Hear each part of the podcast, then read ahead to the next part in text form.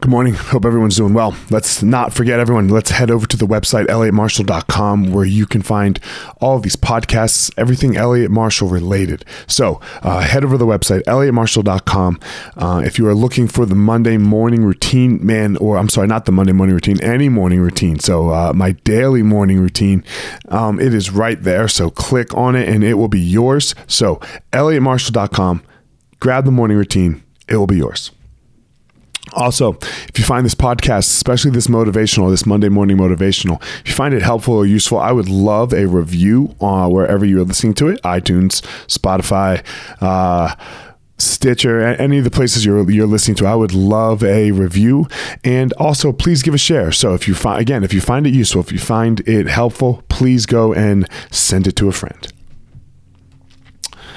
My ninjas, I hope you're doing well this morning. I hope everyone's having uh, a good day wherever, whenever, or wherever it is you're listening to this. I was talking with a friend the other day, and he was telling me about this story. And it's it's the story of these two monks, you know, and they're they're standing at the top of this really high mountain. And when they get there, you know, they get to the top of the mountain, and this one monk says to the other monk, "Oh my God, look at that mountain over there!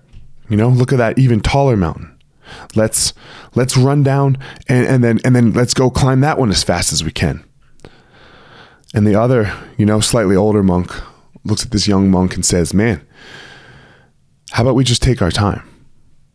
How about we just take our time and we and we notice the rhododendrons and we notice the feeling of the trade winds on, on our on our face as, as we as we go. And we look back and we get to see how far we've come and, and, and we enjoy that. What's the lesson of the story here? A lot of times we, we want to get to the place, you know? We, we want to get to the, the place that we're doing. What we're really doing is we're attaching our uh, our worth and our, identity and our success on the result. Right? Like, if, you know, those two monks are going to climb the, the mountain either way. But let's take it to not climbing a mountain. Let's take it to you want to achieve something. You you have a goal that you're shooting for. How about you try enjoying the journey? How about we and try try enjoying the journey? Detach the result from the experience. Detach the result from the work it was gonna it's gonna take. Detach the result from the actual journey because the journey in and of itself is amazing. The journey in and of itself is where the gold is. It's not really in achieving the goal.